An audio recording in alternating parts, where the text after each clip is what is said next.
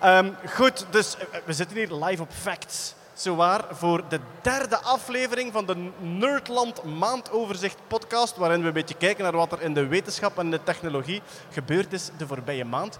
En dus tot nu toe zaten wij altijd in een klein, dompig geluidsstudiootje.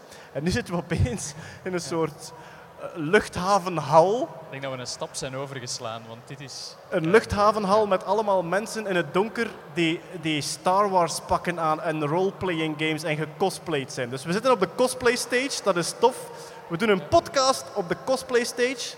En ik wil eigenlijk nu graag een t-shirt waarop staat podcast is not consent. Maar die zal ik tegen volgend jaar proberen te maken. Ik zit hier niet alleen, ik zit hier ook met Jeroen Baart. Hoi. Jeroen, eindelijk ben je erbij. Praat goed ja, in de micro. ik ga goed in de micro praten, zo Eh, heb ik het geleerd. Eh, Jeroen, computerwetenschapper, denk Ja. ik. Ja, Universiteit Antwerpen. Universiteit Leuven, de enige echte universiteit, sinds vandaag officieel erkend als terreuruniversiteit door de Turkse overheid. Dus. Terreuruniversiteit. Absoluut, ja. Alright. Super. Theologie en terreur, de specialisaties terreur, ja. van Leuven. Oké. Eh, en ook ehm, ja, improvisatie, comedyspeler en dat soort dingen. ja, de lieve scheiden van de Aldi, eigenlijk. Dan kunnen ze eens naast elkaar zien. we gaan het straks nog over al die versies van eh, dingen, eh, dingen hebben. Maar al vaak geprobeerd om erbij te zijn op de podcast. Het is de Dat eerste keer dat het lukt. Altijd praktische dingen, Praktische dingen. Vorige podcast is er, een, is er een familielid overleden, maar nu kunnen er geen niet meer overlijden, dus nu ben ik erbij. Nu zijn ze op. Je hebt geen familie Nee, meer? op. Oké, dat is goed. op, Dat, ja. zo, zo gaat dat bij computerwetenschappers. En Stefanie Degene, natuurlijk ehm, bekend van het Nerdland jaaroverzicht, zowaar. Voilà. Ja, voilà. En de- in de eerste plaats grafisch designer, Illustrator, ja. illustrator. Ja. Voor al uw grafisch werk en illustraties, Ja. Stefanie Nee.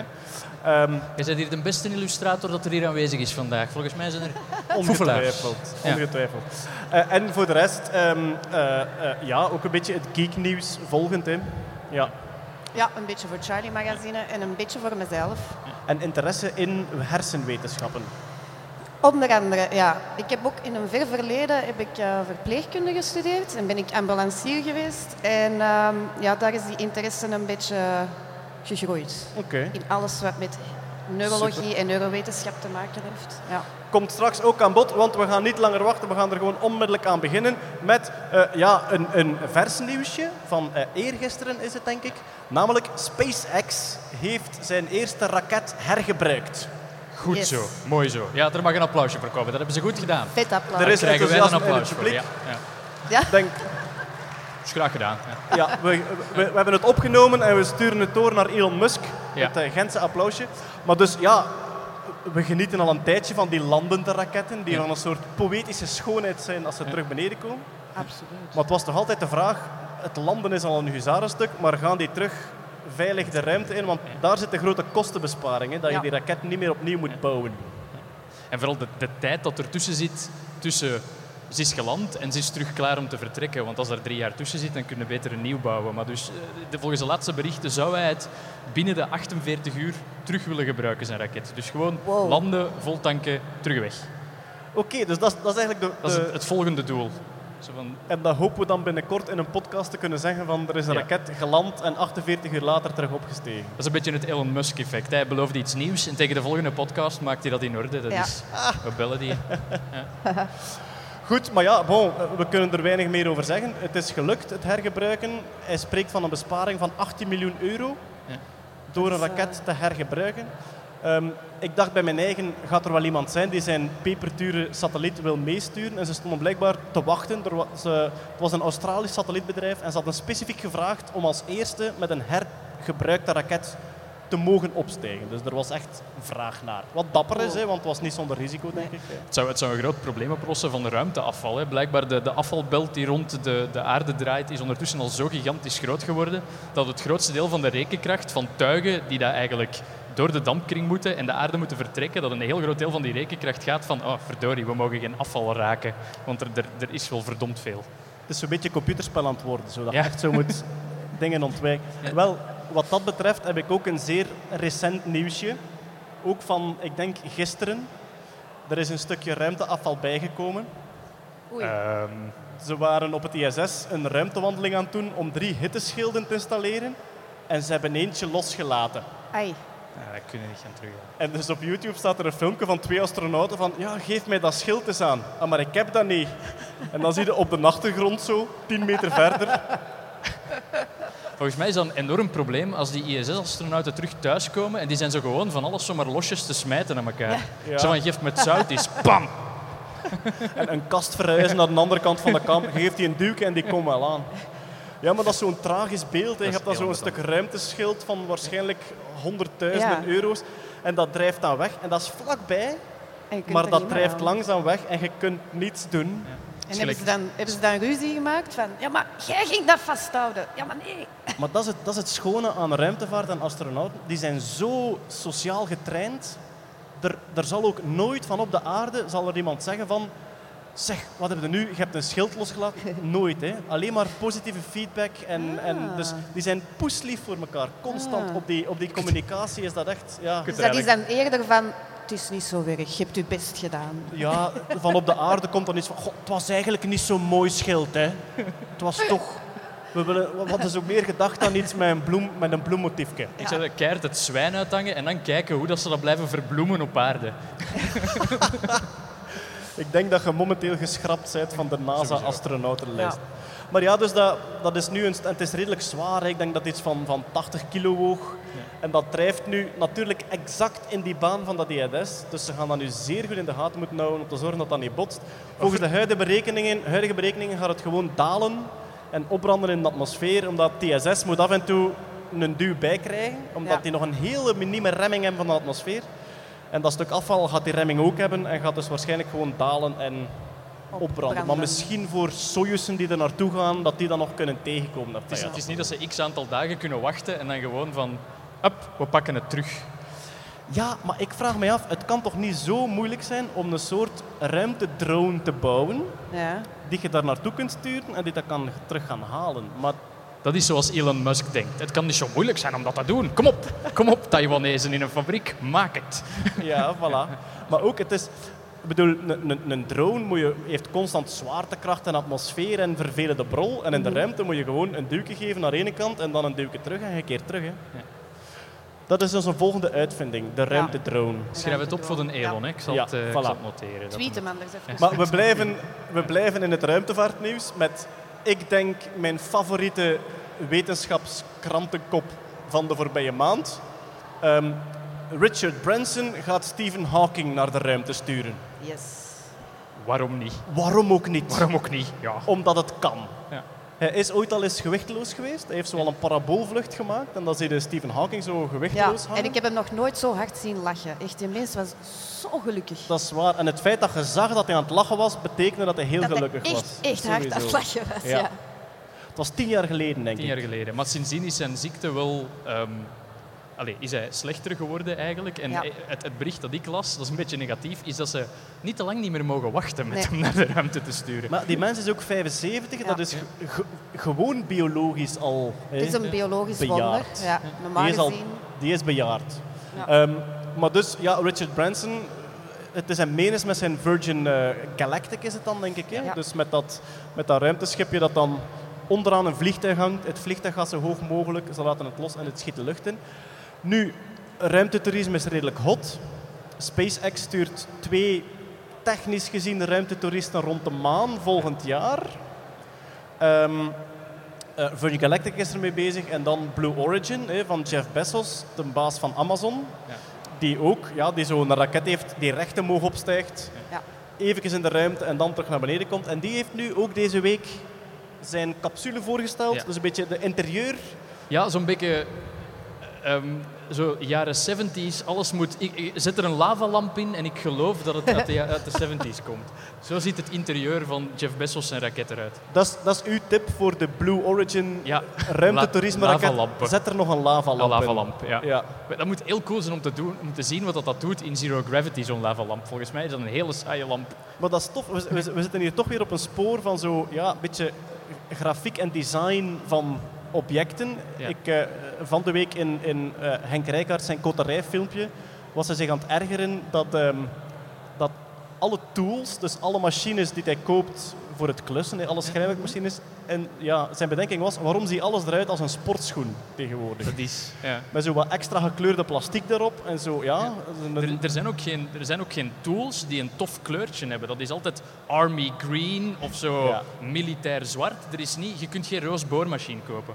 Nog niet. We denk hebben, er alweer, we is. hebben alweer een businessplan. Roze boormachines. Elon, ik schrijf het. Ruimtetroons, roze boormachines. En dus uw analyse een beetje van ruimtetoerisme is, alles ziet eruit als een lavalamp. In, in Jeff Bezos zijn capsule is alles een lavalamp en alles zo smooth. Je verwacht daar ook zo van die halve eien designzetels, zodat je ze gewoon kunt... eh, allee, ja. Ja, wat, dat vroeger, wat ze vroeger op presenteerden bij VT4. Ja. Zo die, ah ja, oké. We gaan Hanne Troonbeeks ook naar de ruimte kunnen sturen.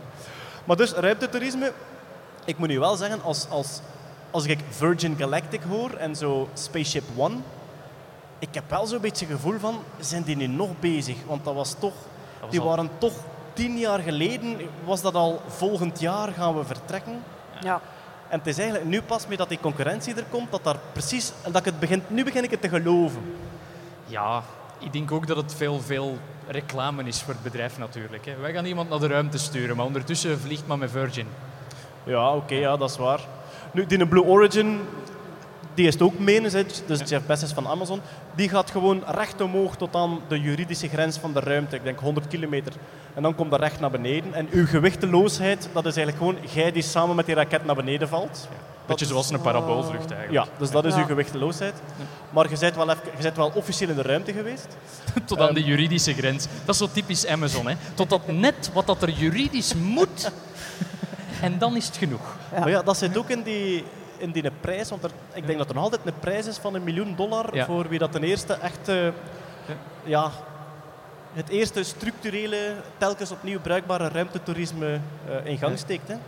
Denk ik, ja, Ja. Voilà. Dus ik denk dat, dat ze die, met die 100 kilometer krijgen ze die ook, als ze daarin slagen. Ehm, en dat zijn ticketjes van, was het 150.000 dollar? 150.000 dollar. Ja. Virgin 250. Virgin 250, maar dan hebben we dus 250.000. echt een, een, een raketvliegtuig. Met die een Blue Origin was het, ik denk, iets minder.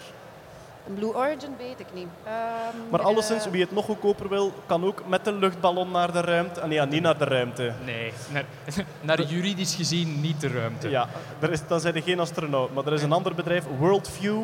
Ja. En die willen dus met een gigantische eh, eh, luchtballon. Ja, je hebt nu heel veel van die filmpjes van mensen die een camera omhoog sturen met zo'n een, een meteorologische ballon. Die wel, waar dat je wel al het zwart van de ruimte ziet en een beetje kromming van de aarde. Ja. En dus ze willen dat, Worldview wil dat aanbieden als ballonvlucht van 2 tot 6 uur. Waarin dat je, ik denk, ook boven de 30 kilometer hoog gaat. En je hebt dus al een beetje kromming van de, van de aarde en zwarte lucht. Ja. Eh, het is veel goedkoper, wat dat wil zeggen 50.000 zeker? Zoiets? 75.000. 75.000, voilà. Dat koopje. Dat is, er zijn mensen dat hier meer op doen op Een fact. koopje. Ja, voilà. Ja, op zich wel. Dus we gaan hier zo nog een businessplan. We Nog een hier gewoon een zetten met ruimteticketjes. Maar, Nee, het, maar- Komt, het komt van veel duurder. Hè. De eerste man die nooit naar de ruimte geweest is, Tito, Tito Russische achternaam, eh, die heeft daar 20 miljoen dollar voor betaald. Ja. Toen. En nu Ja. zijn we tien jaar later en nu kan het al voor een groot orde minder van de prijs. Dus dat is wel Ah, wel, maar belangrijk. Dat, dat is nu wel een beetje het punt. Zoals ik zeg, Virgin Galactic al zo lang sprake van testen gebeurt. Ja, test ontploft in 2014. Een testvliegtuig ontploft. eh, twee testpiloten dood ook, denk ik. Het is wel de eerste moment dat ik het begin te geloven. Hè. Dat ze, vooral omdat er verschillende bedrijven tegen elkaar zijn nu. En Ja. ja, en de volgende vraag is dan... Gaat het ooit voor ons zijn? Gaat het ooit betaalbaar zijn voor ons als wij 60, 70, 80 zijn? Het is van 20 miljoen naar 75.000 gegaan op 10 jaar. Ja. Dus logischerwijs is het over 10 jaar 750 euro. in een dat, is, dat is all-in naar de Canarische eilanden. Hè? Dat- Allee, dat is Maar dan wel in een soort logica die eigenlijk niet toepasbaar is op dit soort technologie. waarschijnlijk niet. Maar een man mag dromen. Nee, En een paraboolvlucht heb je tegenwoordig voor hoeveel? 2000, 3000 euro? paraboolvlucht. Ja. Maar dat is het probleem natuurlijk. Of een kaping. En Ja. Maar dat is, dat is het probleem. Uw energiekost ga je altijd hebben. Hè. Ja. Je gaat altijd moeten die energie erin steken om die raket tot boven te knallen en terug naar beneden te laten komen. Dus, dus waarschijnlijk voor, het- voor het plebs gaat je dan in een soort... eh, gaat je met z'n allen ergens in een soort... eh, economy. ja, in de economy class. Oh, hè, zo. ruimte-economie. Ja. Ik kijk ook uit naar het ruimtevaartvoedsel. Waarschijnlijk een soort compleet nieuwe level van, van, van, van vliegtuig eten. Zo allemaal gepureerd McDonald's eten in economy. In zakjes. Astronautenvoedsel, hè, dat wordt toch altijd zo'n beetje, ja, een beetje gehyped. Ik wil dat ik een goede kok zou zijn in de ruimte. Want dat is gewoon verpakkingen openmaken en zo wat bij elkaar squishen. denk ik. Ja, maar pas op, je kunt ook niet zomaar kokend water erop gieten, want je zit er in die, Ah, in die, in die gewichteloosheid. Niet meer Dus- beginnen. Plus water kookt daar minder snel. Of net sneller. Ik- Nu ben ik, nu ben ik aan het denken. Zeg, maar ik vind, ik vind het nu toch weer boeiend. Zou er in die Blue Origin capsule zou er een toilet zijn? Alhoewel, dat is, dat is maar Ah, 20 minuten. Dat hè? heb ik ooit gevraagd aan, aan eh, dinges. Eh, niet Dirk Vriemhout, dat was een iets te oude man om kakvragen aan te stellen. Maar eh, de andere, help me even. Frank de Winnen. Eh, Frank de Wiene heb ik Ja. gevraagd naar het toilet gaan in de ruimte. Hoe gaat dat? En die heeft mij gedetailleerd uitgelegd. Je kakt eigenlijk in een soort stofzuiger. Ja. Maar er, staat een, er staan Ja. hele lange filmpjes op YouTube over ehm, de wc's in TSS. En ehm, ze hebben ook een, nieuwe, een, een nieuw toilet moeten ontwikkelen voor de vrouwen. Typisch. Voor, maar voor, voor, voor de pipi, hè? want dus dat, is een, dat is een Ja. ander systeem bij de vrouw. Gaat dat dat? wel Ik leren. kan eens even googlen. Ah, En in ruimtevaarttermen wordt er altijd gezegd, ehm, aan de mannen wordt gevraagd om niet te dokken en de vrouwen wel. Ah ja. Ja. Dus de, de, de man gaat de straal richting stofzuiger en Ja. de vrouw moet echt eh, Op de volledig stofzuiger. docking. Ja. Ik zeg het, dat is, dat is een miserie als die terug thuiskomen. Hè. Dat is, als je dat gewoon Omdat die gewoon in alle kampen... Ja. Schat, waar is de stofzuiger? Ik moet weer dringend. eigenlijk een soort zuigende plastuit. Ja, een Ja. zuigend urinoirtje. Dat een- wil ik toch echt wel eens proberen dan. Kunnen we Niet met- dat goed. Niet met mijn stofzuiger. Ehm, ik heb ook gelezen een interview met de man die de textielen doet bij NASA. De textielman, een beetje de, de Jean-Paul eh, Gaultier van, Van van de textielen van de. NASA. Die zegt ook in het officiële NASA-ruimtehandboek staat, die mannen krijgen polo's mee en ondergoed om aan te doen. Eh, die dragen hun ondergoed drie weken. Eerste week de binnenkant, tweede week de buitenkant, derde week terug de binnenkant. Dat is officiële NASA-handleiding. Dus ik doe dat thuis en ik krijg naar mijn voeten. Maar ik ben eigenlijk gewoon een astronaut in opleiding. Ah, maar dat is Ja. ideaal inderdaad. Je kunt zeggen, ik ben op astronautentraining. Ik mag dat. En ook op zich, ik kan me nu wel voorstellen dat na een week omgekeerd dat de buitenkant weer proper is en dat is gaat dat? terug. Ah, Ja. ja. Ja, maar dat is goed. Kijk, dat is, dat is weer zeer boeiend. Vooral als je weet dat je, je kunt die ook bijna niet wassen omdat er te weinig water is en zo. Dus, eh, Nee, ja. water is enorm kostbaar. En ze zijn nu ook bezig met, ze denken die kleren nu van een soort polymeer te maken. Dat als je vuile kleren hebt, dat ze dat kunnen smelten in de ISS microgolfoven, zal ik maar zeggen. En dat ze die vloeibare pasta kunnen gebruiken in een 3D-printer daar om kleine, kleine bouten of kleine, eh, kleine dingen mee te maken daar. Dus een onderbroek die je drie weken lang Ja. bevuild hebt, wordt dan omgezet in bijvoorbeeld een vork. Een vork. Waarmee dat je je de ruimte noodles Dat is juist. binnen speelt. Nu, die 3D-printer in TSS, die is er nu al. Ja. En ehm, eh, ze hebben, ik, maar dat is een tijdje terug al, hebben ze echt een, een, ehm, een Engelse sleutel geüpload naar TSS. Dus er was een bout die ze niet loskregen. En dan hebben ze echt op aarde gezegd van wacht, we gaan een sleutel ontwerpen. Er is gewoon een Engelse sleutel geüpload via het internet, want je hebt gewoon internet op TSS. En dan hebben ze dat model in de 3D-printer gestoken, sleutel mee geprint en daarmee de boel losgeveegd. Cool. Heerlijk, hè? Het is wel een gigantische gewichtsbesparing op Ja. tools die je naar omhoog Ja. moet sturen. Dus eh, eh, zeer handig. Goed, ja, eh, we- gaan ons ruimtevaartstukje bijna afsluiten. We hadden het net al over Blue Origin. Jeff Bezos, die trouwens ook eh, deze maand te zien was in een gigantisch robotpak Ja. Ja. Van vijf meter groot, denk ik. Want hij zag er nog niet genoeg uit als een James Bond slechterik. Dus Ja, hij krapt maar in een gigantisch pak. Amai. Ik vind dat hij ook met zijn pink in zijn mond ook moet lopen vanaf nu. En een, en een witte kat. Maar dus een Japans robotpak, Ja. eh, ik ben de naam vergeten, maar dat kunnen jullie opzoeken. Ja. Hè. Het- Dus je zit in een soort capsule ter grootte van een skilift. En daar hangen gigantische robotarmen aan. En die, die maken dezelfde bewegingen dan dat jij maakt met uw armen in de capsule. En het heeft ook benen waarop het in de toekomst zal kunnen stappen. Maar nu nog niet, want tijdens zijn demonstratie hing hij aan grote kettingen aan het plafond. Omdat als er een vlieg tegenvloog, kon hij omvallen en dood Ja. zijn. Dat was Het eigenlijk. Het was eigenlijk een soort van prop, eerder uit de filmindustrie, de robot. En wel, maar is- hij is al een paar jaar in ontwikkeling en het is echt de bedoeling dat je daar dus zo... Ja, het ziet er heel erg Star Wars uit. Een soort van exosuit eigenlijk, om u... Maar het is meer dan een ex, want een exosuit hangt aan je eigen lichaam. Hier zitten in een capsule en heb je een soort gigantisch lichaam van 5 meter groot dat dezelfde bewegingen maakt als, als jij. Het is een Japans bedrijf die dat al een tijdje, al een tijdje De, de ontwikkelt. Method 2 robot is de naam. Eh, Method redelijk- 2 Method 2. ja. robot. En wel, maar ik zat er naar te kijken en ik dacht van, goh, Jeff Bezos, jij bent toch echt je best aan het doen om een Elon Musk van de Aldi te worden, zo hè? Dat is hem eigenlijk wel. hè. Het is ook zo'n een, een, een miljardair die dan overal zo'n beetje edgy technology wil zijn, maar altijd zo maar de helft kan van wat dat Elon Musk doet. Het is ook een zeer rare man, die Jeff Bezos, die gelooft dat de optimale grootte voor een team, als je een team kunt voeden met twee pizza's, dan is het genoeg. Een groter team is inefficiënt, een kleiner team is te weinig. Dus twee pizza's, dat is genoeg. Dus bij, bij zijn Blue, eh Blue Dingesbedrijf, dat werkt gelijk ja, vijf man waarschijnlijk, want Oké. anders is pizza's te veel. Dus de, dat is de reden waarom dat de Belgische regering niet marcheert. Nee. Je hebt Ja. meer dan twee pizza's nodig. Ja. Er kwam nu een Maggie de Blokmop, maar ik ga ze gewoon niet maken. Ik was aan Dat Jan Jan Bon aan het denken. Of, eh, ja. Aan wie? Jan Jan Bon, prosciutto Jan Bon. Ja, Oh, wat vers, hè? Ver. dat was, ja. al, dat was al een niveau verder. Ja, want ja, Je- Jeff Bezos heeft, nu, ja, hij heeft nu ook een ruimtetoerismebedrijf. Ja. Maar Elon Musk doet raketten landen en vindt nieuwe dingen uit. En hij gaat gewoon op en neer en het werkt nog niet. En, en hij zit dan ook zo in een robotkostuum. En was er nu Het is van, ik ben een grote jongen. Ja, ik kan dat ook. En hij is rijker dan Musk, geloof ik. Hij is rijker dan Musk. Jeff Bezos is sinds vorige week de tweede rijkste man op aarde. Dus je hebt Gates, je hebt Bezos, dan een of andere Mexicaanse telecom-gigant waar niemand Ah, ooit van gehoord juist, heeft. ja. En dan Warren Buffett, die nog teert op dollars uit de jaren 80, denk ik. Ja. Alright, eh, goed, we hebben een beetje ruimtevaart gedaan. We gaan over naar ons volgende onderwerp, namelijk li-fi, Li-fi, daar ga ik een stukje over uitleggen. Dat is licht wifi. Licht wifi. Ja, de, de naam is hyper dan de technologie. Het is eigenlijk normale wifi. Allee, alle, alle MMM-fi werken eigenlijk in het elektromagnetisch spectrum. En normale wifi werkt eigenlijk op 2,4 eh, gigahertz of 5,2 gigahertz. Dat is via elektromagnetische straling. En er is een, een man genaamd Harald Haas.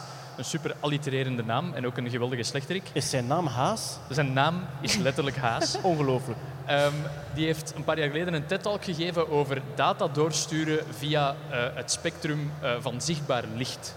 Dus het gaat eigenlijk over eh, ledlampjes. Ledlampjes hangen overal, hier niet op het podium blijkbaar, want dan zou het hier zo warm niet zijn. Ehm, die ledlampjes eigenlijk hoogfrequent te laten pulseren, onzichtbaar voor eh, de, de menselijke ogen. En eigenlijk een receptor te hebben, basically gewoon een camera op je telefoon, op je laptop, die die pulsaties kan opnemen en terug omzetten in bits en bytes. Dus je kan eh, dingen encoderen op zichtbaar licht, opnemen en dan heb je eigenlijk een dataverbinding. En het nieuws van, van de voorbije maand was dat er een test geweest was die 100 keer sneller was, ik 100 dan? keer sneller was dan wifi. Maar het probleem met wifi tegenwoordig is, er zijn overal wifi-netwerken en je zit met enorm veel storing van naburige netwerken. Als je thuis zo'n telnetbakje hebt of van, van, eh, van Belgacom, die zitten alle standaard op kanaal 1. Dus als je in zo'n zo'n appartementsgebouw woont, dan zit je eigenlijk gewoon zit je aan het vechten met de wifi van de buren. Iedereen roept door elkaar. Iedereen roept door elkaar Ja. en je kunt er geen signaal meer uithalen. En met die Lifi zou je dan eigenlijk het voordeel hebben dat het ook... Het licht moet zichtbaar zijn. Het mag één keer op een muur botsen, dus het kan met secundair licht. Ah, Het mag zichtbaar zijn. En eh, het is meteen ook veiliger, want in de kamer ernaast, waar dat ze dat licht niet zien, kunnen ze uw data niet ontvangen. Dus ergens verkopen ze het ook als een soort van veiliger wifi-netwerk. Want wifi Ah, gaat ja, door muren en licht niet. Maar als je iemand zijn raam ziet, Ja, wel. Ja. Alleen, zoals uw wifi op dit moment, is het dan hopelijk geëncrypteerd, zodanig dat je niet zomaar kunt meeluisteren naar wat er elders gezegd wordt. Of Dat je moet, je moet inloggen op het netwerk. Of... Ik denk, ja, er zit wel een encryptie. Het is gewoon nultjes en eentjes dat je heen en weer kunt sturen. Dus de standaard encryptie en beveiliging werkt er wel op natuurlijk. En ze zouden dan eigenlijk uw, uw lampen zelf, uw lichtpunten in uw huis, Ja. kunnen omzetten naar allemaal access points. Ja. Ze kunnen aan een, aan een normale ledlamp kunnen ze een, kleine, een kleine chip hangen die dat gewoon door het voltage van die ledlamp een klein beetje te veranderen, want dat is echt niet veel. Je Ja. ziet het niet als je naar de lamp aan het kijken bent, anders zou het een hel zijn voor epilepsiepatiënten. Ja. Kunnen ze eh, die lampen gebruiken om data door te sturen. Zeg maar, gaat, gaat het enkel over intensiteit van het licht of gaan ze ook eh, in het spectrum met een soort bandbreedte van Het is puur intensiteit. enkel Ja, intensiteit? puur intensiteit. Ah, oké. En daar geraakt het 100 keer sneller mee dan Ja. een In optimale omstandigheden waarschijnlijk, in een ah, labo. de kleine lettertjes. kleine letter. Zoals bij alle wetenschappelijke papers is het waarschijnlijk de ene goede test hebben ze eruit gehaald en tien keer het gemiddelde van genomen. Zijn er nog kleine lettertjes? Er zijn nog kleine lettertjes, het werkt alleen download. Want ja, stel dat dat licht data zou doorsturen naar mijn laptop, allemaal goed en wel. Mijn laptop kan dat ontvangen. Maar hoe gaat die licht terugsturen? Dan zou ik hier een gigantische lamp op mijn laptop moeten hebben die dat licht stuurt naar het basisstation. Dus upload is momenteel ook nog een probleem. Het is waarschijnlijk daarom dat al die robots in de jaren 60 toekomstfilms een gloeilamp op hun kop hebben. Sowieso. Ja. Dat is, de, dat is een li-fi upload. Alles wordt duidelijk. Alles wordt duidelijk. Maar het, het is wel een veelbelovende technologie. Ik denk vooral, ze gaan het vooral inzetten in eh, omgevingen zoals ziekenhuizen en, en, en omgevingen waar eigenlijk elektromagnetische straling redelijk uit een boze is. Ja. Eh, dus daar zie ik het wel gebruikt worden. Maar het is zeker nog niks voor morgen in de laptop of zo. Vooral ook omdat ze zeggen het is energie-efficiënt. En inderdaad, het is energie-efficiënt aan het basisstation, waar je gewoon een lichtje een beetje moet laten pinken. Ja. Maar om het op te vangen, en de cameraapparatuur om het mee op te vangen, die gaat ook enorm veel stroom trekken. Als je dat op een mobiel toestel moet doen, dan zit je wel met miserie natuurlijk. Dus de early adopters moeten, nog niet, moeten zich nog niet warm lopen. Het Nee. is nog niet voor dit jaar in de winkel. Tenzij dat Elon Musk het morgen koopt, dan is het, eh, dan is het. Uiteraard. Ja. Als Musk het aanraakt, verandert het in goud. Ik, ik heb iets tegen die Musk. Dat is, ik, ik heb daar echt zo'n klein beetje een, een, een pet peeve tegen. Die man, alles dat hij aanraakt, verandert zogezegd in goud. Zo ook met dat, dat Neuralink ding, waar dat we het subiet over gaan hebben. Dat is het volgende onderwerp. Je brengt ons naadloos bij Neuralink. Maar vooral, want Maar- er die- komt hier voor de eerste keer ooit in deze podcast... En ik ga kakken op Elon Musk. Sorry. ja, nee, maar laat het, ons, laat het ons het nieuwe genre Musk-skepsis noemen. Musk-skepsis. Ik kom Ja. het weinig tegen, Musk-skepsis. Ja, Behalve bij mensen die Ax Musk niet graag ruiken. Dat, is is ook een soort ja. Musk-skepsis. Maar jij hebt, dus, jij hebt echt iets van... Want hij bewijst het toch telkens weer. Ja, nee, hij, hij bewijst het niet. Alles dat hij doet is tof bedrijf, veel geld er tegenaan kwakken, waardoor dat, dat bedrijf beter kan doen wat dat het al aan het doen was. Dus wacht, wacht. Dus Ja. SpaceX bestond al. Nee, nee, nee. Ze gingen al raketten doen landen. En Musk heeft het gewoon gekocht. Is dat uw analyse? Musk koopt veel om er dan zijn naam op te plakken. Ja, maar Ja, Ja. maar er zijn toch... Het is, dat is gelijk Steve Jobs. Steve Jobs heeft Nee. een iPad en een iPod gemaakt. Die is ook gewoon een fabriek binnengelopen en gezegd: eh mannetjes, kleiner tegen volgend jaar, meer gigabytes erin, make it happen. Ik ga nieuwe jeansbroeken kopen. Dat is wat dat, dat, is wat dat hij deed. Turtlenecks. Turtlenecks. Sorry, ja. Maar je kunt toch niet een bedrijf binnenwandelen en zeggen van... Jongens, ehm, al die grote ruimtevaartbedrijven zeggen dat raketten niet kunnen landen. Jullie gaan dat wel doen tot morgen. Daar moet je toch bij ja blijven. die Dan komt je binnen en die doet Jij maakt Ja, maar hij een bedenkt. geldwegwerpbeweging. geld weg. Ja, die, dat is, dat is, Ja, ja, oké. maar Ja. Jeff Bezos is rijker en het lukt hem niet, hè? ja, maar omdat Jeff Bezos veel slechter is in... In geld wegwerpen. dus zijn grote talent is centen op de juiste manier inzetten Ja. bij de juiste mensen. Dat is ook een talent natuurlijk. Ik geloof dat Elon Musk een hele goede investeerder is en een hele goede eh, man met inzicht in de business. Maar ik geloof niet dat dat de geweldige uitvinder is die dat we hem allemaal Ja, toeschrijven. Oké, maar er is toch... Hij zegt toch ook, de moment dat hij zich in een Hyperloop voorstelt, zegt hij toch ook... Ik heb het bekeken met mijn ingenieurs en dan is toch zijn groot talent van het juiste volk te verzamelen, van inzicht te hebben in wie moet wel hebben en wie moet niet hebben. En om die te kunnen motiveren op een soort visionair idee en te weten dat ze het kunnen of niet kunnen. Hij heeft ondertussen zijn pootjes al wel van Hyperloop afgetrokken. Hè? Hij is Ja. nog Hij investeerder, daar maar... hij- hij- Hij heeft in het begin gezegd, ik heb er geen tijd Ja, voor. dat- ja, kom. Zo kan ik het, zo kan ik het ook. Ah, Als, nee, als het niet succesvol is, heeft hij er geen tijd niet meer voor. Hij heeft een het whitepaper heeft een whitepaper geschreven en gezegd van oké, dit, moet, dit zou het ongeveer moeten zijn. Go for it. Ja, Ongeveer nee, deze. Ja, ik zal oké, ik ook oké. een whitepaper schrijven. Vliegende auto's, ongeveer dat. Ja, maar vliegende Maakt auto's. het. Nee, nee, kijk, het verschil is dat bijvoorbeeld Elon Musk, als je inderdaad hè, vraagt van zeg maar Elon, vliegende auto's. Hè, Ja. En dan zegt je, nee, dat gaat niet lukken om die en die en die en die en die reden. Die mens kan echt wel beredeneren. Het is niet dat je... Het- is zijn visie. Hè. Hij had Ja, in de universiteit al, eh, was hij aan het bedenken van oké, wat, kan ik, wat kan ik eigenlijk doen dat interessant is? Ah, ja. Elektrisch, eh, elektrische voertuigen, eh, space exploration. Hij was ook al bezig met artificiële intelligentie. Hij was ook al aan het nadenken van, ja, wat kan ik daar eigenlijk iets interessants mee doen? Wat zijn er de gevaren? Het is wel, ik denk echt wel dat je wat, wat meer doet dan gewoon ergens binnenkomen en zeggen, hier is geld, maakt mij iets. Ik maak natuurlijk een komische overdrijving, maar Ja. ook, zijn, ook zijn commentaar op artificiële intelligentie. Hij heeft daar samen met Stephen Hawking, Ja. eh, Noam, eh, Noam Chomsky en, en, en Elon Musk hebben een brief ondertekend. Mhm. AI, dat wordt gevaarlijk. Oppassen, jongens. Ja, maar hij gaat er verder. Hè. mee? Hij gaat verder, want daarom heeft hij Neuralink opgericht. Hij had daar eigenlijk weer al geen tijd voor. Maar hij zei van, goh, ja, ik heb er eigenlijk geen tijd voor. Maar ja, dat existentieel risico, dat is te groot. Eh, we kunnen de mensen niet, we kunnen het, het menselijk ras niet laten uitsterven. Ja, brandalarm eraf. Eh, ja.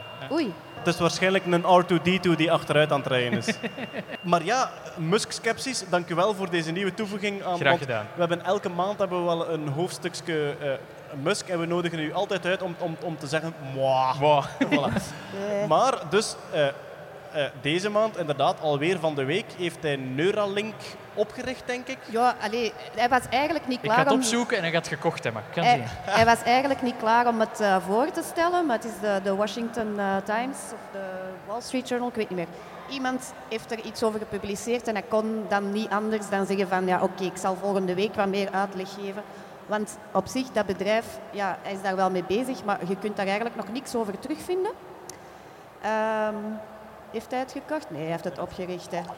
Maar dus concreet, het Ja. gaat over computerchips die hersensignalen kunnen interpreteren en omzetten naar machinetaal. Dus echt rechtstreekse communicatie Ja. tussen hersenen en machines. Hè? De brain-machine interface. Ja. En hij gelooft. Nu, dat, is al, dat bestaat al. Hè. Er zijn al mensen die eh, hun protheses bijvoorbeeld kunnen eh, eh, eh, eh, besturen met hun, met hun hersenen. Dat is een brain-machine interface. Ehm, maar Musk, gaat verder dan enkel de, de, de, de medische toepassingen. Hij zegt van, we gaan die artificiële superintelligentie maar kunnen tegenhouden. We gaan ons, ons, ons eigen bestaan als mensheid maar kunnen eh, eh, verdedigen als wij rechtstreeks met die artificiële intelligentie kunnen communiceren via ons lichaam. Als we er deel van worden, samensmelten met de technologie. Cyborgs, hè, ja. Goed, dat, is, dat zijn verre toekomstdingen. Nu, ik moet zeggen, zo angst voor artificiële intelligentie, ik deel dat ook niet volledig, omdat artificiële intelligentie heeft ook geen, geen emotie, waardoor dat die de wereld willen overheerst. Nee, willen, dat bestaat er niet voor. Ja, plus ook mensen overschatten keihard wat dat artificiële intelligentie nu kan. Hè. Alles inti- artificiële intelligentie momenteel doet, is heel intelligent te zoeken. Oké, op heel specifieke problemen en op enorme hoeveelheden data. Maar artificial intelligence doet niet meer dan wat bomen aflopen en zoeken. Dat is nog helemaal niet biep, boep, boep. Allee, dat- daar zijn we nog belangen niet. Dat is een enorme stap Ja. dat er dan nog voor moeten gezet worden. Maar goed, dat is inderdaad verre toekomst. Nu, bij die Neuralink hebben we eigenlijk... ehm, ja, is het, is het mooi gekoppeld aan ook alweer wetenschapsnieuws uit eh, België. Namelijk Jan Rabai, ehm, geboren in Veurne, eh, elektronica-ingenieur. eh, die in Amerika woont en werkt aan de Berkeley Universiteit. Die eredoctoraat gekregen heeft aan de Universiteit van Antwerpen. Die twintig jaar terug mee aan een beetje het concept van de tablet aan het werken was. En die nu ook bezig is met die computerchips die met hersenen eh, communiceren. Ik ben naar zijn, zijn masterclass geweest aan de Universiteit van Antwerpen. Bijzonder indrukwekkend. Dat is een zeer interessante man. Ja, absoluut. En die vooral, die, ehm, eh, die ook uw scepties deelt over... Jongens, wat zit er hier brieven te schrijven dat artificiële intelligentie Voilà, gevaarlijk ja. wordt? Dat is het probleem nog niet hoor, jongens. Dat is... Maar dat, dat, is, dat is het toffe aan, aan, aan, aan zo'n mens zoals Jan Rabai. Hij is visionair, hij bouwt alles. Hij zit zelf in het uitvinden en het bouwen van die dingen. En dat is iemand die op een heel rustige en geloofwaardige manier kan zeggen van... Goh, wat Stephen Hawking allemaal zegt daarover, dat geloof ik toch niet. Ah, wel, ja.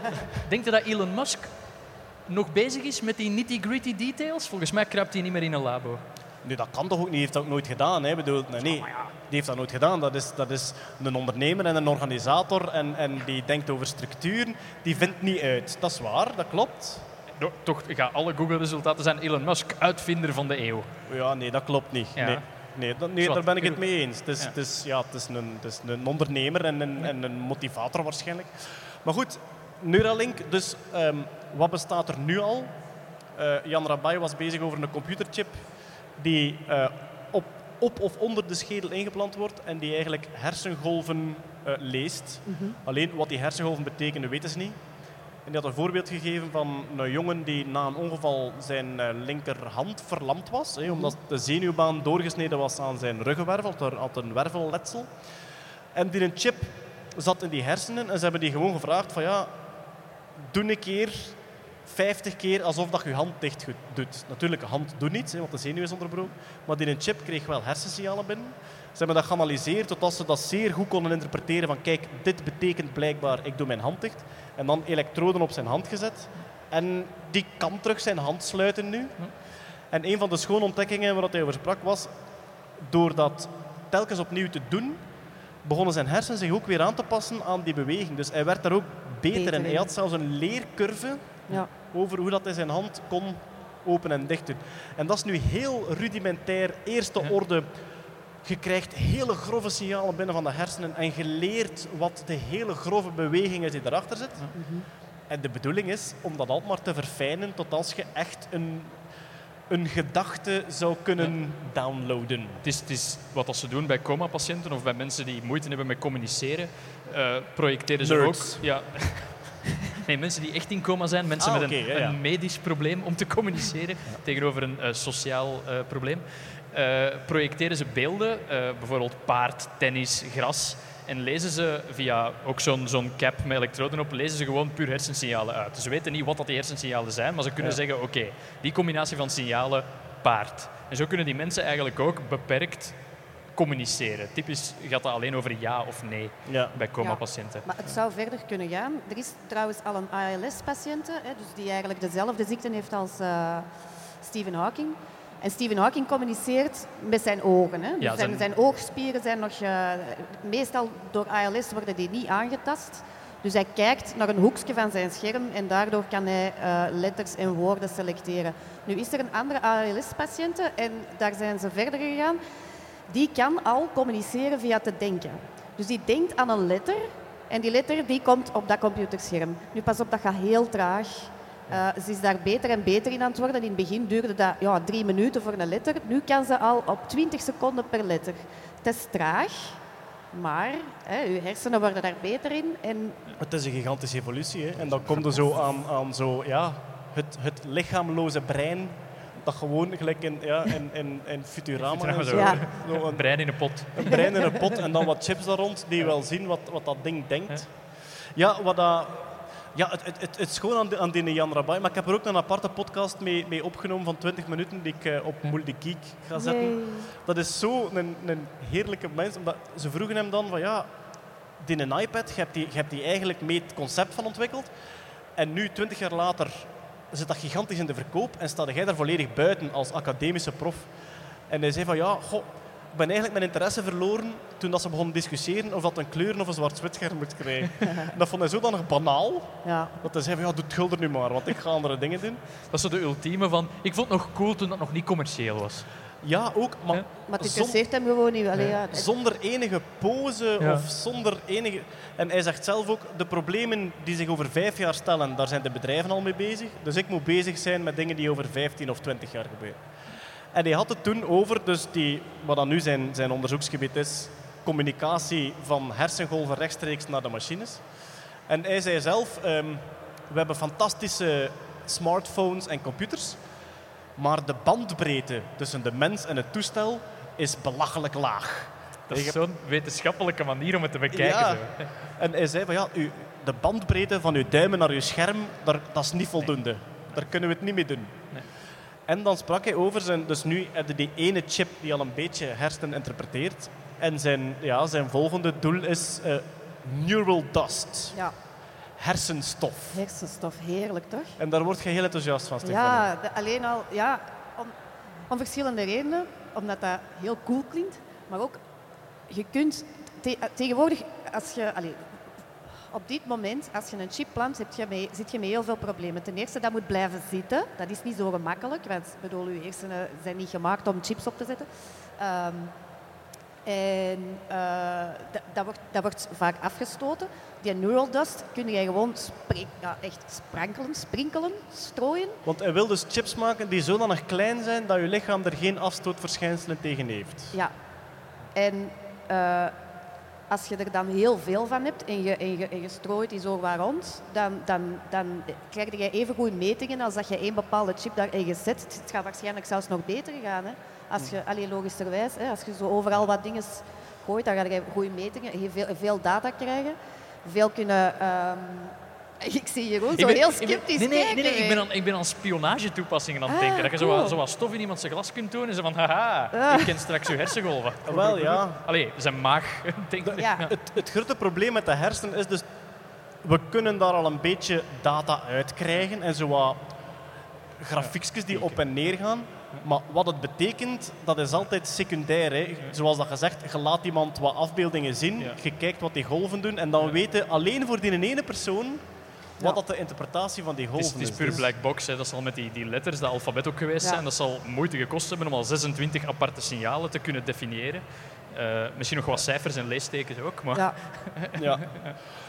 Maar ook de, de, de, je moet niet meer, met je neural dust moet je niet meer zo diep gaan. En dat denk ik dat heel belangrijk is. De, de, de, ja, de penetratiegraad, zeg maar. Allee, Ja. of de, het, hoe, hoe- in hoeverre dat iets invasief is.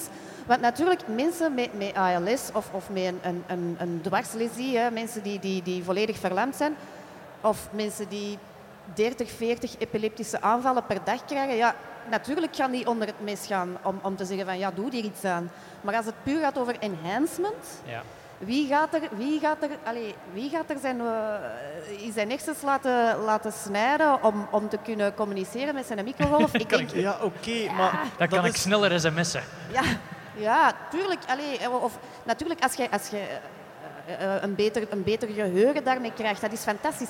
Maar toch, ik denk die grens van, van dat invasieve is iets waar dat ik trouwens geld op wil zetten. Dat Elon Musk iets, eh, dat hij daar absoluut dat hij daar mee, mee, verder gegaan. Want er zijn al non-invasieve technieken. Hè. Je kunt al dingen met een spuit gewoon ergens in je hersenen, een soort mesh, een soort, soort eh, ja, draadwerk, zeg maar, waar dat je dan, ehm, waar dat je dan die kleine elektrodetjes op Ja. kunt gaan zetten. Dus ik, ik, ik, ik denk dat we heel ver kunnen gaan in, nog in dat non-invasieve. En dan zijn aan het spelen. Hè. Dan, kun je, dan kun je echt coole dingen doen, Maar denk dat ik. de eerste toepassingen medisch gaan zijn, dat is nu ook al het geval. Hè? Ja, dus dat, absoluut. dat is gewoon zo. Nu, ja, die, die neural dust gaat dus echt over ehm chipjes ter grootte van stof. Ja. Die in plaats van op één plek onder je hersenen een beetje over heel je hersenen verspreid zitten. En dus data halen van heel veel verschillende Hoe krijg, je, punten. hoe krijg je daar stroom bij? Dat is toch Dat is de grote vraag. En, dus ze zijn, Ja. het is, en dat is hetgeen wat Jan Rabai ook aan het uitleggen was. Hij is altijd bezig met wat zijn de praktische uitdagingen. Eén, uw immuunsysteem moet het, moet het gerust laten. Dus het moet klein zijn. Hè. Vanaf een bepaalde grootte trekt uw immuunsysteem het zich minder of niet aan. En inderdaad, hoe krijgt dat ding energie? Ofwel maakt ze zodanig efficiënt dat ze met, ehm, dat ze met hetgeen waarin dat je ze de, in de hersenen steekt jaren toekomen. Ofwel moet een soort energiebron verzinnen, zoals beweging. Hè. Je, Ja. je- je schudt toch met je kop. Ja. Wie weet zelfs biologische energie uit uw, uit uw bloed of uit uw biochemie of uit uw Ja, cellen de halen. bloeddruk bijvoorbeeld. Allee, je bloed stroomt. Hè. Ja, Ja, je stel daar je, stel voor dat je, dat je chips bouwt die op ATP en op ADP werken, hè, zoals de energie van, van, uw- van uw celchemie zelf.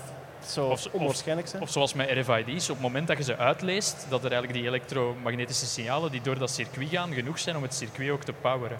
Maar Ja, maar dat is een ander probleem van hem, van Jan Rabai, dat uw elektromagnetische golven niet zo ver door uw hoofd gaan. Licha, zo Meer. zo, meer power. meer power. Meer power. Het kan een beetje warm worden, maar Ja. we gaan er geraken. Ja, voilà. En hij, hij zou willen communiceren via ultrasound. Dus dat ze geen elektromagnetische straal uitsturen, maar dat ze geluidsgolven uitsturen die dan geïnterpreteerd worden door een chip die op je hoofd hangt en die dan naar de wifi stuurt. Zodanig dat je thermostaat zelf ziet dat je te koud hebt en alvast opwarmt zonder dat jij nog iets moet doen. En een de hele tijd een lichtjes vibrerend hoofd ook. Misschien. Misschien. Heel, heel misschien, ja.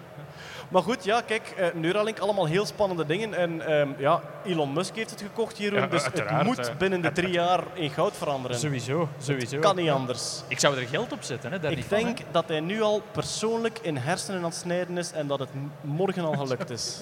Nee, tegen een hoop Taiwanese aan het zeggen, hier zijn een hoop lijken, begint eraan. Hè. Oké. We gaan toch een Kickstarter moeten beginnen om Jeroen een Elon Ja. Musk tattoo te kunnen kopen. Hè? ja, dat gaan we toch doen. Hè. Goed, Neuralink. We gaan over naar het volgende onderwerp. Oh nee, Jeroen. Er is een zelfrijdende auto gebotst. Help! Ja, toch wel. Het, het, het verhaal is anders. In defensie van de auto, de zelfrijdende auto, het is van Uber, het bedrijf dat de laatste tijd on- onder vuur ligt om, om andere redenen. Ze hebben blijkbaar een nogal seksistisch personeelsbeleid. Ah, is dat zo? Ja, Ah, er is eh, een vrouw geweest die bij Uber werkte, die is eh, seksueel geïntimideerd door een van de Zelfrijdende auto's. Nee, niet, niet door een zelfrijdende auto. Dat, dat kunnen ze nog niet, maar ze worden geprogrammeerd door venten. Ja. Dus wie weet. Ehm, nee, die is dus seksueel geïntimideerd geweest door iemand in een hogere kader bij Uber. En dat is een hele dofpotoperatie geweest. Dus dat was al slecht nieuws voor Uber. Maar het andere slecht nieuws is eigenlijk dat in eh, Texas, waar, dat ze, eh, probleem, waar dat ze problemen hebben met die zelfrijdende auto's en waar ze er ook testen mee doen, is er een zelfrijdende auto aangereden op een kruispunt door een madammeke. Maar dus zelfrijdende auto's. Tesla bouwt ze, eh, Google is ermee bezig, maar Uber is dus gewoon zijn eigen project gestart. Ja. Zelfrijdende auto's. Ja. Oké, ja. omdat, omdat ze eigenlijk... Nu moeten ze die ambetante mensen nog betalen die met die autootjes rijden. En ze hebben gezegd van wat als we die kunnen weghalen. Maar die auto zou dus op een, op een kruispunt door een rood licht gereden zijn. De Uber-auto. De Uber-auto, ja. Oké. Waardoor dat die, de auto van dat madammetje die geraakt heeft langs de zijkant. En het probleem waar dat Uber nu eigenlijk mee zit is, ze hebben die auto's geprogrammeerd volgens een bepaalde set van eh, regels waar dat ze aan moeten eh, voldoen, namelijk de verkeersregels. En niet door het rood rijden zat daar niet in. Wel, de theorie is dat die auto gezegd heeft van ik kan nog door het oranje geraken als ik heel snel gas geef. Oké. Maar dat is dan een autonome beslissing geweest van een zelfrijdende auto. Dat is wel heel gevaarlijk. Hè? Nu ik die redenering hoor, hadden ze die zelfrijdende auto ook gewoon Nonkel Rudy kunnen noemen. Ja, dat is, dat, maar dat is dus het gevaar dat door die regels daarin te steken en onkel Rudy ook zoiets heeft van het is nog legaal als ik tegen 150 per uur door het oranje vlam, dat die een auto ook zo geredeneerd heeft van Maar bedoelde dan dat er, een- dat er een soort, dat er ook een beetje black box in dat, in dat algoritme zit, dat er beslissingen genomen worden die, die er eigenlijk niet letterlijk ingestoken zijn, maar die volgen Nee, uit. dat- meestal is dat een adaptief algoritme die eigenlijk beslissingen neemt op basis van een hele hoop set van limieten waar dat het zich aan moet houden. Ja.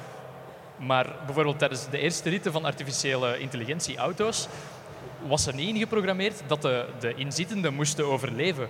Dus die auto's die konden beslissen om zeer, zeer, zeer, zeer, zeer brusk te stoppen. En die auto was oké, maar elke persoon die erin zat, ook basically dood zijn.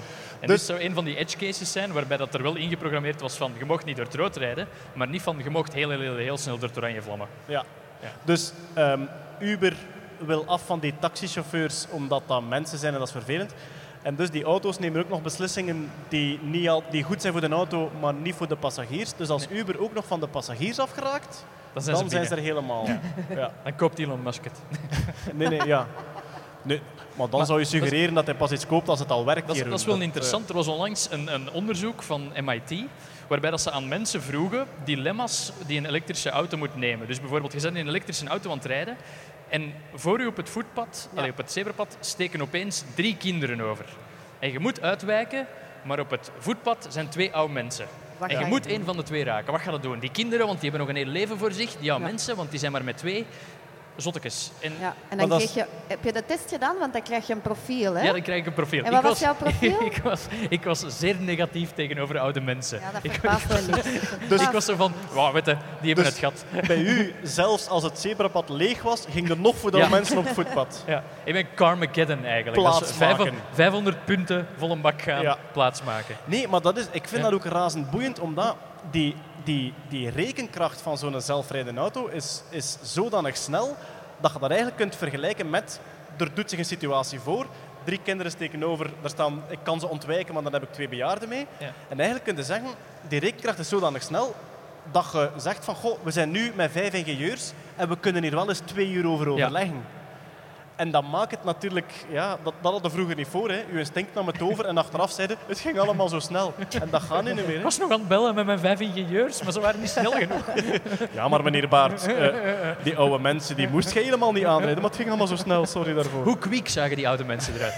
Ja, want het is ook altijd kansberekening natuurlijk. Die auto die je weet van, ik heb aan deze snelheid heb ik zoveel kans om die persoon een eh, verwonding toe te brengen die dat levensbedreigend is. Want zo kun je ook beginnen redeneren. Hè, van, Ja, mensen hebben misschien iets stevigere botten. Ik heb meer af, afremtijd. Ja. Ik kan ze misschien raken op een manier dat ze het overleven.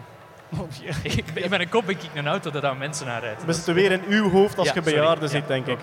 Maar ja, inderdaad, en dat, je kunt inderdaad de tijd bevriezen om de beslissing te nemen, maar je kunt de fysica niet bevriezen. Nee. Hè? Die impuls die je hebt en, en je grip met de baan, dat ligt allemaal vast. Maar goed, er is een auto gebotst tegen een zelfrijdende auto en alle niet-zelfrijdende auto's die ook gebotst zijn deze week, die zijn niet in het nieuws geweest natuurlijk. hè. Dat, Dat is, wat Elon Musk ook zegt. Mensen die tegen zelfrijdende auto's zijn, dat zijn eigenlijk moordenaars. Hij heeft in een interview gezegd, dat zijn mensen die eigenlijk andere mensen graag zien verongelukken. Wat ik wel een zeer sterke uitspraak vond, Ja. maar het is wel waar. Er is, Ja. Het is bewezen, zou, zouden we in onze vingers kunnen knippen en opeens alle auto's zelfrijdend maken, zouden er veel minder ongevallen zijn. Het is die overgangsperiode waar dat je met een soort van hybride vorm zit, waar dat het gevaar ligt. Maar jij denkt nu, Elon Musk heeft dat wel gezegd, maar hij heeft die uitspraak gewoon gekocht van iemand die slimmer is dan hij. sowieso van Ja. Jeff Bezos Oké. waarschijnlijk. Hè. Intussen begint er op de achtergrond een orkest te spelen. Ja. Want we hadden het daar net al over, Jeroen. We zitten hier echt in een gigantische hal. De galm is ongelooflijk. Absoluut. Ehm, ik hoop dat er nog volk zit. Ik zie niks, dus voor hetzelfde geld zijn die allemaal vertrokken. Ja. Oh, Oh, Jezus Christus, jullie hebben geluisterd naar mijn gezever de over Elon mensen verstaan ons beter dan wij elkaar, denk ik. Ik denk het ook. Ik zie ook hier en daar zo lightsabers en van die gigantische cosplay zwaarden uitsteken. En nu is er achter ons ook nog een orkest aan het spelen. Ja. En zo qua, ehm, ja, qua onheimelijkheid kan het concurreren met de betere stand-up optredens in obscure West-Vlaamse cafés die wij al gedaan Dat je hebben. zo denkt van, spreken die mensen Nederlands? Komen die voor mij? Hoe snel kan ik in het station geraken? Is er nog iemand? Is er nog iemand? En kan ik mijn materiaal zo snel mogelijk aframmelen dat we op het einde van de ja. show zijn? Dat is stand-up in Vlaanderen. Goed, wij gaan naar ons laatste groot onderwerp en dan zijn er nog wat kleintjes. En dat is eentje voor Stefanie. En ik hoop dat ik het juist aankondig. Ja. Ze hebben de voorbije maand een hart gemaakt uit een spinazieblad. Eh, bijna. Geen volledig hard, maar Het, zij... het feit dat die uitspraak al bijna juist is, is al veel. Dat is, dat is, ja, het is, het, is, het is goed geprobeerd. Allee, het is te zeggen... Goed eh, een heel hard maken, dat is, dat, daar zijn ze nog niet. Maar ze hebben van een spinazieblad hebben ze de plantaardige cellen doodgemaakt. Ze hebben dat eigenlijk uitgespoeld. En met hetgeen wat er is overgebleven, daar hebben ze hartcellen ingezet. En die hartcellen zijn beginnen groeien en die zijn beginnen eh, ja, kloppen zelfs, hè, want die zenden dan elektrische impulsen uit. En dat noemen ze decellularisatie. Nu, dat is niet nieuw. Hè. Decellu- Decellularisatie is eigenlijk, je neemt een orgaan of je neemt, eh, ja, in dit geval een spinazieblad of een appel en je haalt er alle plantaardige of dierlijke cellen uit en wat je overhoudt is uw raamwerk, zeg maar, uw structuur. Celwanden. Ja. En in dit geval is dat cellulose. Hè. Wat is het voordeel van cellulose? Dat is bioafbreekbaar, dus dat, niet, eh, biocompatibel, sorry, niet afbreekbaar. Dat is biocompatibel, dus je gaat dat ook niet afstoten. Hè. We hebben het daar juist al over gehad. Eén echt heel belangrijk probleem is afstoting van... Ik van denk, ik denk dat er veel mensen die het probleem kennen van eh afstoot. Goed.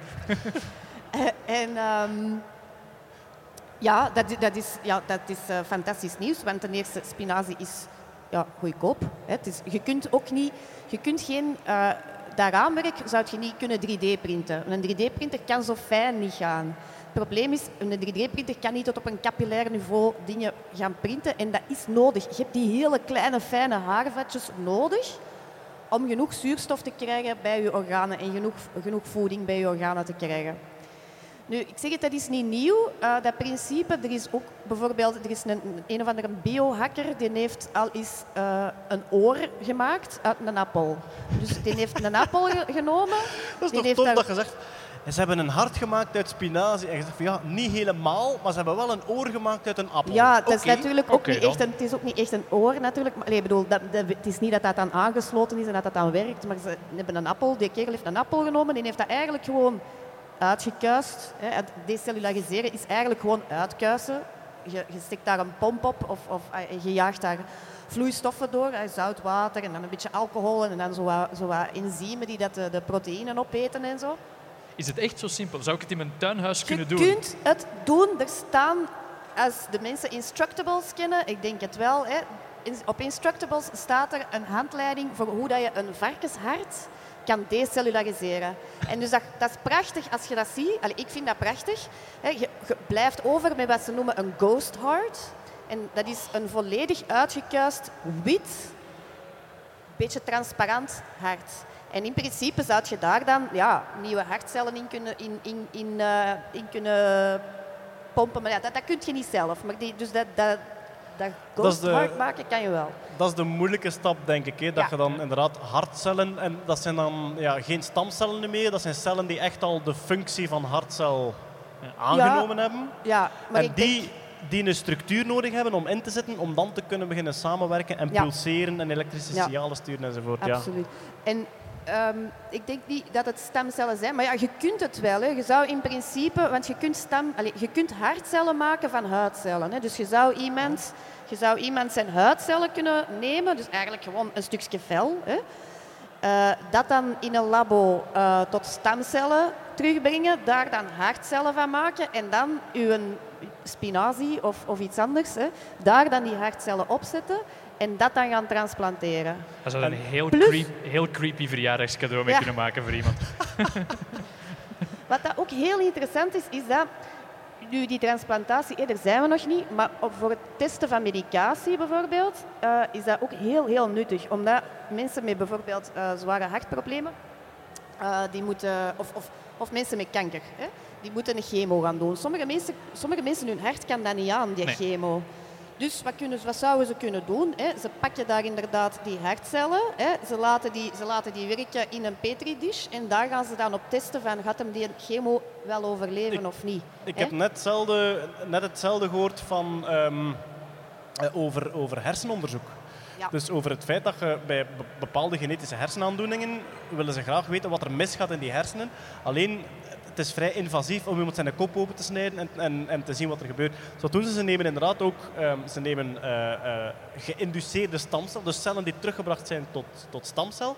Ze laten die groeien in een petridish en ook in een 3D-structuur. Want dat is blijkbaar heel belangrijk. Het feit waar dat, dat spinazieblad voor dient dan, Ja, dat je een soort structuur hebt. Anders krijg je gewoon een beetje een slijmlaagje van cellen. En ze bouwen mini-hersentjes in het labo die Oh. genetisch identiek zijn aan uw hersenen. En daar komt hersenactiviteit in. Natuurlijk is die niet gestructureerd, dus, dus er is niets aangeleerd. Maar ze hebben dus een klompje, echt neuronen die met elkaar communiceren. En daarnaar kijken ze om te zien wat de verschillen zijn. Wat, wat die anders doen dan genetisch normale hersenen. En dus waarin dat de genetische, ja, genetisch zieke hersenen dan in, in hersenactiviteit verschillen. Om zo dan beter begrip te krijgen van die ziekte. Maar ze bouwen gewoon hersentjes na. Maar dan In moet die labo. ziekte op celniveau zitten, veronderstel ik. Genetisch, Ja, ze moet ah, ja, genetisch ah, ja, zijn, sowieso, ja. Ja, inderdaad. Ik zie niet in wat dat er fout kan lopen. Ik zie wel een soort B-film, zo'n soort B-film van de hersentjes die s'nachts wakker worden. Die een spinazieblad vinden en zeggen, nu is het aan ons. Oh, Ah, ja. Een bloemkool, pak hem. Maar goed, we hebben nu we hebben al spinazie en appel gehad. Ik vind, ja, now the game is on. Hè. We gaan ook wel een keer inderdaad een lever van een bloemkool maken en een neus uit een wortel. En, Ja. allee, nu, nu, kunnen we, nu kunnen we en doen. we gaan, we gaan dat zelf kunnen doen hè, in onze keuken. Hè, Bij, bij, een- Halloween kunnen ze zo'n pompoen uithollen, maar dan Ja. letterlijk uithollen. Een en daar zo'n levende kop van maken. Zo. Oh, geweldig. Yay. En echte ogen insteek. Ja. Goed, we hebben ons grote onderwerp gehad en ik denk dat we gewoon kunnen afsluiten met één kleintje, Ja. waar ik zelf heel vrolijk van word. Er is eindelijk voor het eerst in tientallen jaren een nieuwe wolkenatlas. Yay! De blijdschap in mijn nerdhartje. Echt wel. En hij is digitaal. Hij is digitaal volledig te bekijken. De Cloud Atlas is iets wat al heel lang bestaat. En de laatste editie was jaren 60, jaren 50. Het is echt heel lang geleden. Niet te verwarren met het boek met dezelfde naam. De Cloud Atlas? Cloud Atlas. Ah, de, nee, niet, niet ermee te verwarren. Vreselijk, vreselijk gigantisch boek, slechte film met Tom Hanks. Zwat. Ah, nee, je, ken- was, je was in de wolken, ik wil je niet onderbreken. kende ik zelfs niet. Ah. Hoe, hoe kun je nu de titel van, van non-fictie misbruiken voor fictie? Dat is vreselijk. Vreselijk. Maar dus eh, inderdaad, de, de wolkenatlas die een beetje alle types beschrijft. En ehm, een, van de, een van de drijvende redenen om een nieuwe te maken, om hem te updaten, was de, de Asperitas-wolk. Ja, sorry, maar ik ben er even... Ik, even, ik kan er nog altijd niet over dat ze voor Asperitas zijn gegaan. Want ik was een van de mensen die dat zo eh, de Cloudspotter-app eh Ja, had. Gullen En- alle twee, hè. Dat en- is, ik ben hier totaal... En daar stond Asperatus. En ik was zo blij dat ik hem had gezien. Hè, en dat ik hem Ja. had gespot. En nu komen ze af met Asperitas. Eh, wel ja, dus inderdaad, je hebt de Cloud Appreciation Society of. Great Britain, waar ik trots lid van ben. Meer bepaald lid nummer 32.393. Ehm, en dus eh, ja, de Cloud Appreciation Society, je hebt ook een app, eh, helaas enkel op iOS, enkel op de iPhone.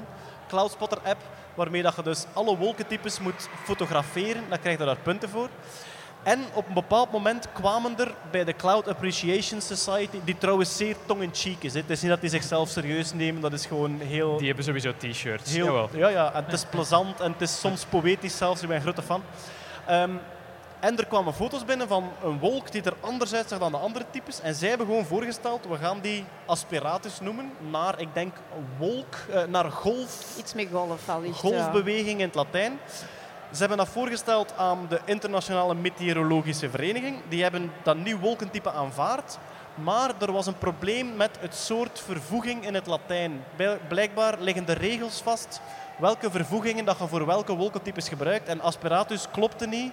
En daarom hebben ze er asperitas van gemaakt. Maar het Ja. is een soort hele mooie golvende wolk die een jaar of drie geleden zeer indrukwekkend in Antwerpen te zien geweest is. Er kwam, Ja. een, er kwam een onweer over en heel Ja. veel mensen stonden op Facebook met die foto's. Ik ook. En dat was die asperitaswolk. Het was, het was heel tof, want ik- ik ben dan zo gaan rondlopen en, en, en ja, je zag dan zo andere mensen zo van op hun terras naar, eh, allemaal foto's trekken. Iedereen was zo, ik weet niet hoe blij van. Ja, En, eindelijk. en hoe- hoe reageren de mensen dan als je daar zo naast komt staan en zegt van ja, dat is een, eh een asperuta.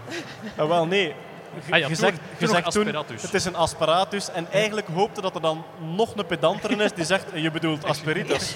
Zo vervoeg je dat niet in het Latijn. Hemeltje. Ja. Ehm, ja, er staan nog andere nieuwe wolkentypes in. Waaronder eh, mensgemaakte wolken. Ja, de Dus- contrail de bijvoorbeeld. Hè? De contrail Ja. van het vliegtuig is nu een officiële wolk. Ehm, de, de, de Fallstreak Hole, Ah, ja. bepaalde supergekoelde wolken, als daar een vliegtuig doorvliegt, bevriest er een grote cirkel van die wolk bevriest. En dus de rest blijft gewoon vloeibaar. En de cirkel bevriest en dan heb je een soort vallende sneeuwcirkel centraal in een wolk. Ziet er prachtig uit. Ik heb hem nog niet gespot. Ik heb er, je zit er heel vaak, hè. Echt? Je moet, je Ja, moet er een beetje oog voor allee, hebben. Kom, je moet maar- een beetje uitkijken. Hè. Ik, ik, zie, ik zie er om de, om de twee, drie maanden zie ik wel een false streak Oh, denk ik. Ik zal u bellen. Ja, het is goed. De volgende keer bel ik u. Ehm, ja, en nog een paar andere. Ik geloof onder andere boven bosbranden ontstaan er ook soms wolken. En boven fabrieken. En die hebben nu ook een officiële Latijnse naam. Dus ja, er zijn Je gaat, zo, je gaat u zo nuttig maken bij de volgende brand. Hè. Water, water, snel. Blus, blusvliegtuigen, snel. Eh, jongens, dit is een hele mooie wolk. Ja, en ik sta daar dan met mijn Cloudspotter-app. Alright, vijf sterren voor de mensgemaakte wolk. Kaching. Goed, we zijn rond, denk ik. Ik denk het ook. Het was fijn om dit te delen met jullie en met de mensen die hier zitten, die hier zo dapper zitten, zitten luisteren in Ik kan het nog altijd niet geloven. in onze luchthavenhal in allerlei cosplays. Wij moeten nu plaatsmaken voor weer een hele hoop eh, elfen en tovenaars en trollen en robots die hier Ja. op het podium gaan komen. Ik ga gewoon blijven kijken, want ik ben echt ik, gewoon ook, ik benieuwd. ga ook blijven kijken. Ja, Ja, we gaan ons- Ja. cosplay is kei cool en tof. En Dat is echt wel. wij, hebben al, wij hebben al jaren het plan, eh, Bart van Peer en ik. Om als Mick en Mon naar Facts te komen. Ja, Omdat doen. de meest onnozele cosplay ooit. En dus ooit komt het ervan. Ik vind het altijd leuk om hier naartoe te komen en op de trein al die bejaarden te zien reageren als er zo'n gigantische Pikachu naast hun komt zitten. Zo. Die, mens, die mensen die worden echt zot. Hè. Dat is van, ik ben mijn pillen. Ik, heb- ik, ben hier ook, ik ben hier ook ooit vertrokken. Ik denk dat twee jaar geleden was, ben ik vertrokken. En was er eh, verkeersagressie tussen een Jedi en dan zo nog een of andere Gandalf. Dat is echt Oei. wel tof. Zo een, Jedi in een Volkswagen Golf en een Gandalf in een, ander- in een oude Volvo die zo aan het reclameren zijn dat zij eerst van de parking mogen. Sowieso. Sowieso. Ja. Xander de Rijke heeft ook ik, ooit, ik denk, vijf hobbits gezien die in pannen stonden op de 40 terug naar Aalst. Wat dat ook een schoon zicht moet zijn. Enfin ja, het is hier heerlijk eh, op fact. Het was heerlijk onheimlich om deze podcast hier met een soort onzichtbaar publiek in een gigantische hal te mogen doormaken. Dankjewel Stefanie Degenij. Graag gedaan. Dankjewel Jeroen Baart. Dankjewel, lieve Scheire. En volgende maand zijn we er terug met een nieuwe, het is nog steeds een werktitel, een Nerdland maandoverzicht. Yay. Tot ziens iedereen. Doei. Bye.